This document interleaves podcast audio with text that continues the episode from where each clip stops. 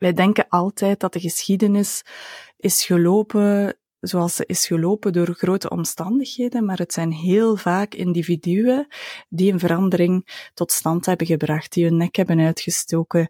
Mensen die zijn gaan staan voor het goede in plaats van wrok of in plaats van revenge, wraak.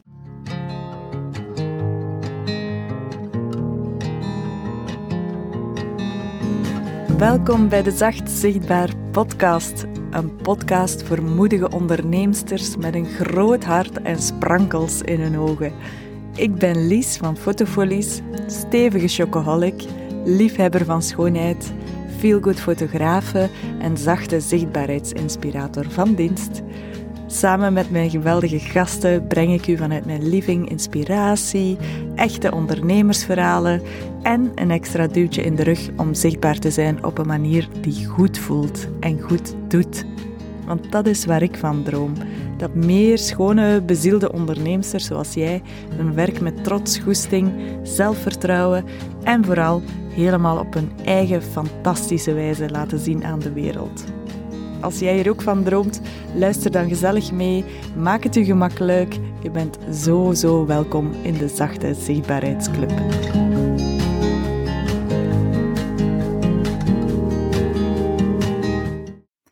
Hallo en welkom terug bij de Zacht Zichtbaar podcast. En deze aflevering wil ik graag opdragen aan een hoopvolle boodschap. Tijdens de vorige aflevering met Jolien Legrand hebben we het er al eventjes over gehad, over het feit dat als je dicht bij jezelf blijft, dat je dan een grote impact kunt hebben en dat door het feit dat je druppels kunt laten vallen, dat er dan rimpelingen ontstaan waar dat je zelf eigenlijk geen vat meer op hebt. Dus door die druppel te laten vallen kan je een grote impact maken. Maar ik voelde heel hard de nood om daar nog wat dieper op door te gaan. Want ja, je hebt het nieuws waarschijnlijk ook wel gevolgd de laatste weken. En ja, dat is, dat is niet mooi wat er gebeurt. Hè. Er is heel veel onrecht, er gebeuren dingen die echt heel pijnlijk zijn, die vreselijk zijn.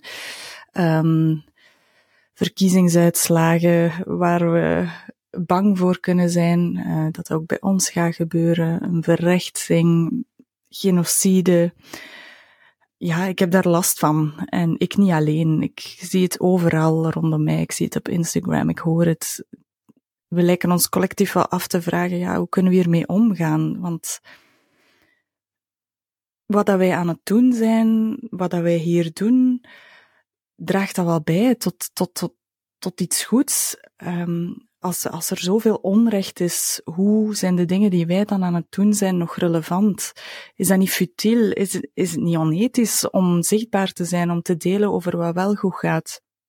hoe, hoe, hoe dragen schone dingen maken bij aan wereldvrede? Of hoe draagt mensen coachen bij om meer vreugde te voelen aan de klimaatproblemen? En hoe gaan teksten schrijven helpen om het onrecht uit de wereld te helpen? Um, dat hield mij bezig de afgelopen weken, ook in wat dat ik doe. Ik heb, voor ik fotografe was, um, in non-profit organisaties gewerkt en daar droeg ik bij aan de grotere dingen in de wereld, hè, armoede de wereld uit helpen, uh, bij de kringwinkel, sociale tewerkstelling. En wat ik nu doe, is dat wel belangrijk genoeg. En ik ben de afgelopen weken daarmee bezig geweest, ik heb daar wel op gekoud. En gisteren, tijdens um, het postgraduaat positieve psychologie dat ik volg, voor als je dat nog niet zou weten. Het is een tweejarige opleiding aan Thomas More, waar ik in september mee gestart ben. Waar ik trouwens enorm, enorm dankbaar voor ben en heel, heel blij. Want ik heb het gevoel dat ik elke dag meer leer over het leven en wat belangrijk is. En tijdens de vorige opleidingsdag ging het over de negativity bias. En dat is eigenlijk een vooringenomenheid, of wij zijn eigenlijk geprogrammeerd als mens om veel meer het negatieve te onthouden. Omdat wij in de oertijd moesten wij heel alert zijn als er dingen waren die gevaar zouden kunnen voor ons inhouden. Als er een, een dier was, een wild dier of iemand van een vreemde stam, dan zijn we veel meer geneigd om dat op te merken dan een uh, mooi vogeltje of een mooie bloem.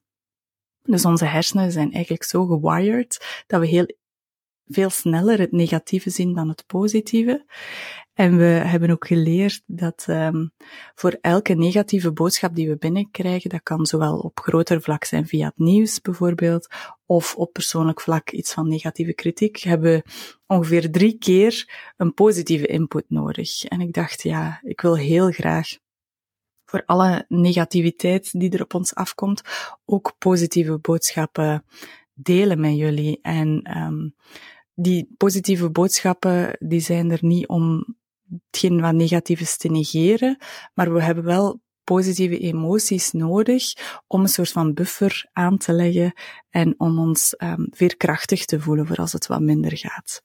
Dus deze aflevering een paar prikkeltjes van hoop, een paar prikkeltjes van positiviteit, van anders kijken naar dingen en te gaan kijken naar hoe dat we wel een impact kunnen hebben als kleine ondernemer um, met onze kleine, tussen aanhalingstekens, uh, bezigheden waar wij mee bezig zijn. Waarom dat belangrijk is, waarom het nodig is om te blijven delen, om te blijven doen wat wij doen.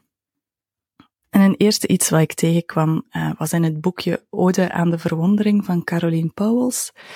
Zij is ondertussen overleden, maar voor ze is gestorven heeft ze een heel mooi boekje geschreven waarbij ze dus een ode brengt aan verwondering. En een van de dingen die bleven plakken was de impact van individuen op de loop van de geschiedenis. Um, in het boek haalt ze onder andere het voorbeeld van Mandela aan. Wij denken altijd dat de geschiedenis is gelopen zoals ze is gelopen door grote omstandigheden, maar het zijn heel vaak individuen die een verandering tot stand hebben gebracht, die hun nek hebben uitgestoken, mensen die zijn gaan staan voor het goede in plaats van wrok of in plaats van um, revenge, wraak, ja. Uh, dus kijk naar Mandela, hè, die, die mens die, is, die heeft opgesloten gezeten uh, op Robben Island, is het denk ik, in Zuid-Afrika. 26 jaar heeft hij in de gevangenis gezeten. Um, en toch, daarna is hij vrijgekomen en is hij blijven geloven in gelijkheid.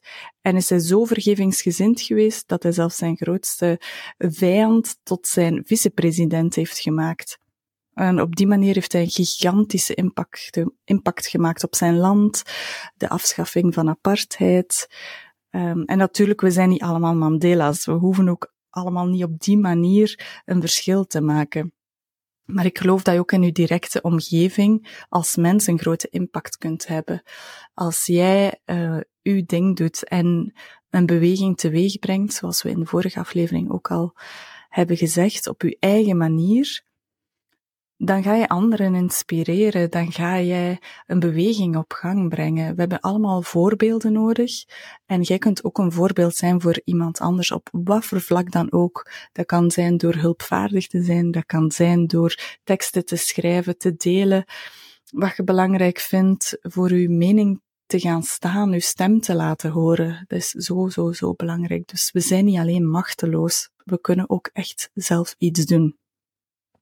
Nog bewijs hiervoor vond ik in The Old Oak. Dat is een film van Ken Loach.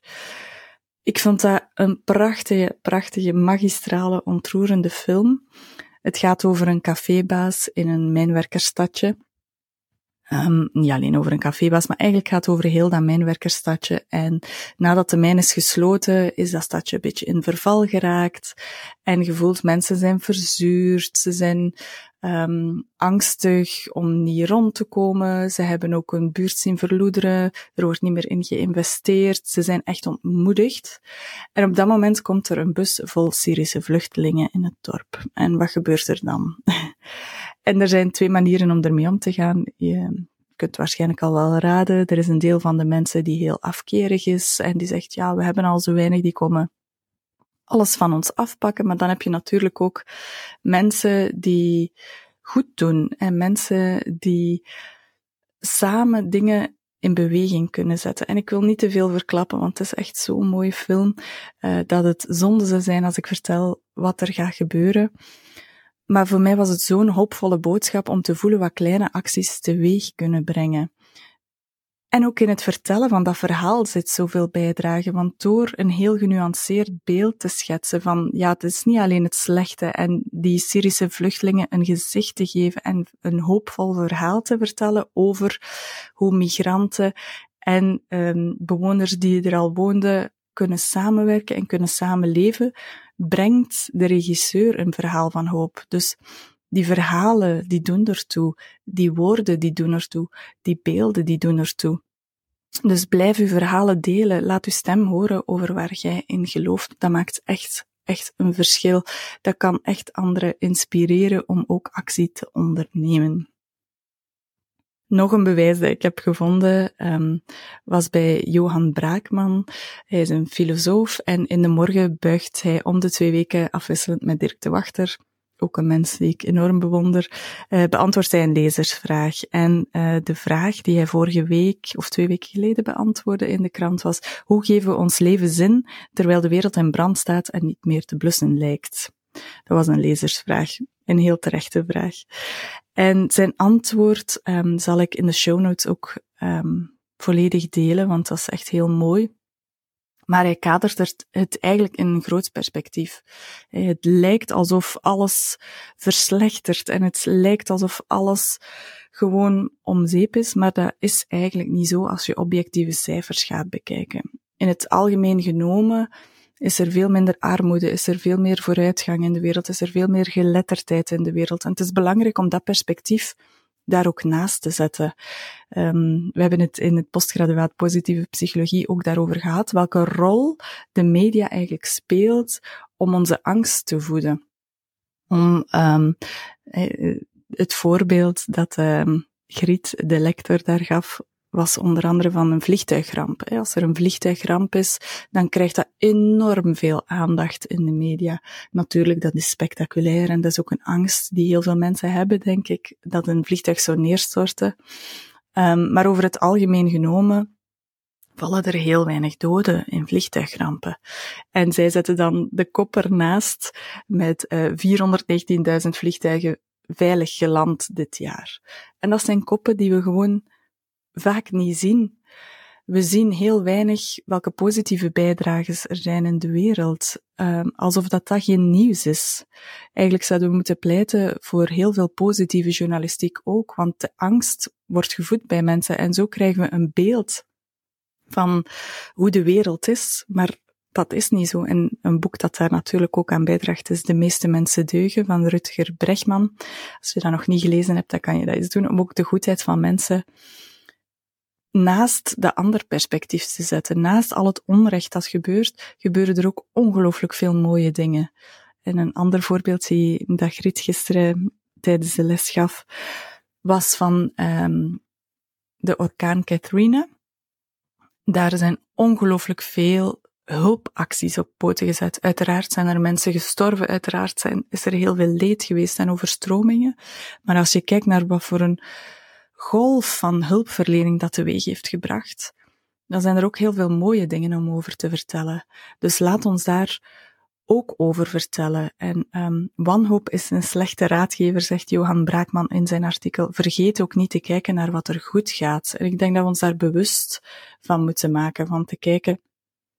Ja, natuurlijk, er valt niet veel goeds te zeggen over het feit dat er mensen in de Gazastrook gewoon worden uitgehongerd en vermoord. Um, maar daarnaast gebeuren er ook veel positieve dingen in de wereld. Um, en dat mogen we niet vergeten om daar naar te kijken. En dan wil ik het ook eventjes hebben over betekenis, uh, purpose, onze purpose. En hoe belangrijk dat die is om ons goed, gezond en betrokken te voelen. En wat uw purpose is, uw betekenis, uw ikigai zou je het kunnen noemen. Hè? Dat is wat dat je, zo noemen de Japanners het, dat is waar dat je goed in bent, wat dat je graag doet, wat de wereld nodig heeft en waar je voor betaald kan worden. Dat laatste kan je nog weglaten. Maar als jij kunt doen waar je goed in bent en wat je graag doet en wat de wereld nodig heeft, dan levert je een enorme bijdrage, wat dat die bijdrage ook is. Dat kan op heel klein niveau zich afspelen of op heel groot niveau. Eh, kijk naar Mandela, dat was op heel groot niveau. Maar ook op klein niveau zit heel veel betekenis. Hè. De poes van de buren eten geven als die op vakantie zijn. Uh, lekker eten maken voor uw gezin of voor uw vrienden yogalessen geven, zodat mensen kunnen ontspannen. Een mooie nieuwsbrief schrijven waar mensen echt van kunnen genieten of een inzicht opdoen. Kaartjes maken of gewoon een pakkende post te maken op social media die mensen even kritisch doet nadenken. En jij kunt op je eigen manier een groot verschil maken door je talenten in te zetten op een manier die voor u betekenis geeft. En het gaat niet over over u aan zich, maar de bijdrage die je kunt leveren, het cadeau dat jij aan de wereld kunt geven, op welke schaal dat dan ook is. Het hoeft niet mega groot te zijn. Dat mag super klein zijn en um, bij de mensen in uw directe omgeving. Iets veranderen is ook belangrijk. En dat wil ik zo hard benadrukken. Wat je doet is belangrijk. Wat je deelt is belangrijk. Je stem laten horen is belangrijk. Jij zijt belangrijk. En al dit deed mij ook denken aan een van mijn favoriete quotes. Dat is eentje van William James. Ik weet niet wie die mens was. Blijkbaar is hij een Amerikaanse filosoof, historicus en psycholoog. Ik heb nog geen boeken van hem gelezen. Misschien moet ik dat eens doen. Maar er is een quote van hem die ik ooit heb gelezen en die ik heb bewaard op mijn, um, in mijn OneNote, waar ik zo alles bewaar en probeer terug te vinden achteraf. En dat is de quote, act as if what you do makes a difference. It does. Act as if what you do makes a difference. It does. Ja, ik vind dat zo, dat zijn zo'n simpele woorden, maar ik vind dat een prachtige reminder om uh, te weten dat onze kleine acties, onze eigen unieke bijdrage een grote impact kunnen hebben op de wereld rondom ons, hoe klein of futiel ze ook mogen lijken. Ik hoop dat u dat een beetje hoop geeft, dat u dat gevoel geeft van, oh, wauw, ja, wat ik aan het doen ben, dat doet ertoe. Ik kan ook impact maken op mijn eigen stukje. Um, en dan, ja, dan hebben we het ook, ik weet niet of je dat kent, de Circle of Influence. Als jij ergens staat ten opzichte van gebeurtenissen waar je geen, waar je geen impact op hebt, dan gaat je moedeloos voelen of machteloos. Maar als je gaat staan en gaat kijken naar de dingen waar je wel impact op kunt hebben en daarnaar gaat handelen, dat gaat kracht geven. Niet alleen voor u, maar ook voor de mensen rondom u. Dus probeer een impact te hebben op uw eigen manier. En dat deed mij ook nadenken over mijn eigen bijdrage wat ik zou kunnen doen, welke stappen ik zou kunnen nemen binnen mijn eigen circle of influence om wat meer positiviteit, wat meer hoop, wat warmte de wereld in te sturen. En toen kwam ik op het idee om een warmste zichtbaarheidsweek te organiseren. Origineel was het idee om dat al in december te doen, maar het leven got in the way. ik heb uh, rugproblemen gehad, ik ben ziek geweest en um, ik had het kunnen doen in december, wat misschien logischer was om zo vlak voor kerst mee wat warmte te verspreiden.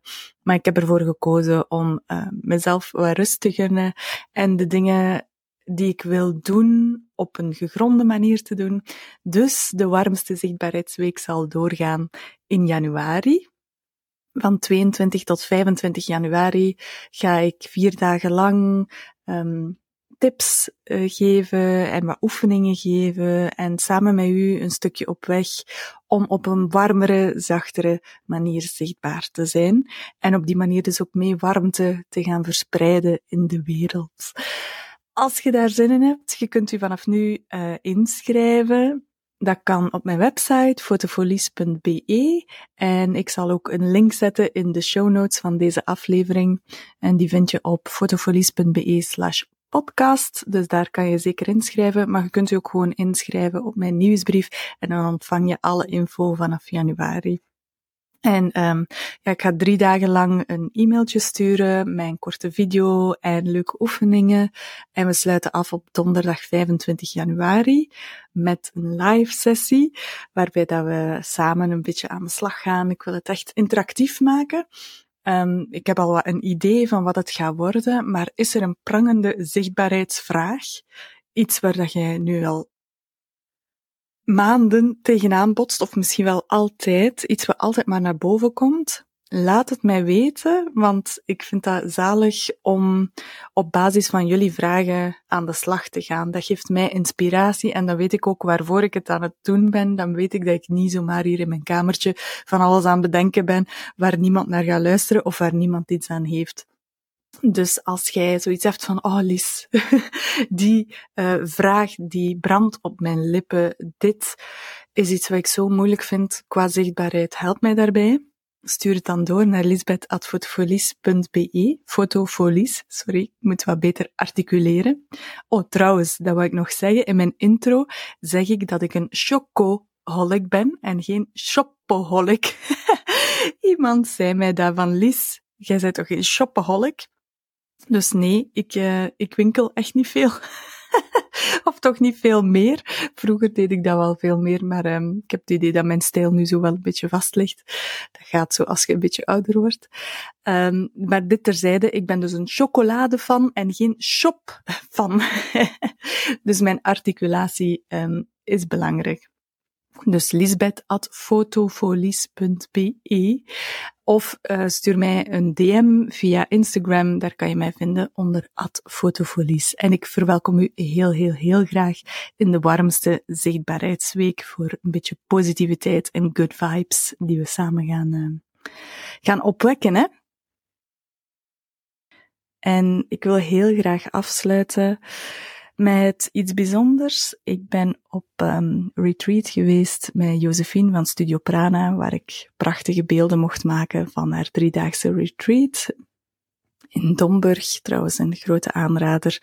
Uh, ga gerust eens een kijkje nemen op de website van Josephine als u dat interesseert, om ook eens uh, in Domburg de seizoenen mee te maken en te gaan kijken hoe dat je met de seizoenen kan leven. Heel, heel fijn. Maar op het einde uh, van het retreat was er iemand bij, een, een, prachtige vrouw, Eva, die een gedicht deelde van Toon Hermans. En op het moment dat ik dat gedicht hoorde, kreeg ik echt zoveel tranen in mijn ogen. Ik vond het prachtig, heel troostrijk. En als je nog eventjes tijd hebt, dan wil ik het heel graag voor jou voorlezen.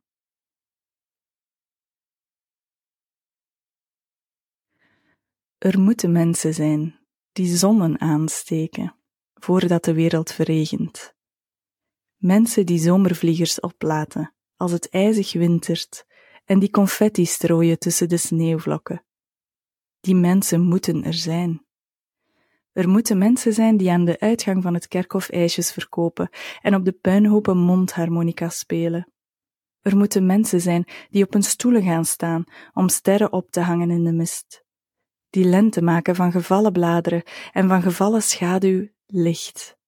Er moeten mensen zijn die ons verwarmen en die in een wolkeloze hemel toch in de wolken zijn, zo hoog. Ze springen touwtje langs de regenboog. Als iemand heeft gezegd, kom maar in mijn armen. Bij dat soort mensen wil ik horen, die op het tuinfeest in de regen blijven dansen, ook als de muzikanten al naar huis zijn gegaan. Er moeten mensen zijn die op het grijze asfalt in grote witte letters liefde verven. Mensen die namen kerven in een boom vol rijpe vruchten, omdat er zoveel anderen zijn die voor de vlinders vluchten. En stenen gooien naar het eerste lenteblauw, omdat ze bang zijn voor de bloemen en bang zijn voor ik hou van jou.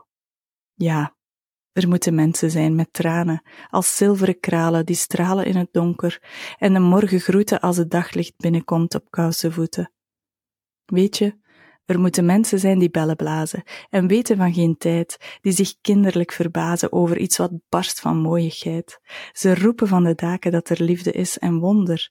Als al die anderen schreeuwen, alles heeft geen zin, dan blijven zij roepen, Nee, de wereld gaat niet ten onder en ze zien in ieder einde weer een nieuw begin. Ze zijn een beetje clown, eerst het hart, dan het verstand, en ze schrijven met een paraplu I love you in het zand, omdat ze zo gigantisch in het leven opgaan en vallen en vallen en vallen en opstaan. Bij dat soort mensen wil ik horen, die op het tuinfeest in de regen blijven dansen, ook als de muzikanten al naar huis zijn gegaan. De muziek gaat door de muziek gaat door en door. Toon Hermans. Ik vind het een prachtig gedicht en ik hoop dat het u ook heeft kunnen raken en dat je kan voelen dat er mensen nodig zijn die in deze tijden waarbij alles slecht lijkt te gaan, hoop blijven koesteren en hoop blijven delen. Ik wens u nog een hele, hele, hele fijne dag.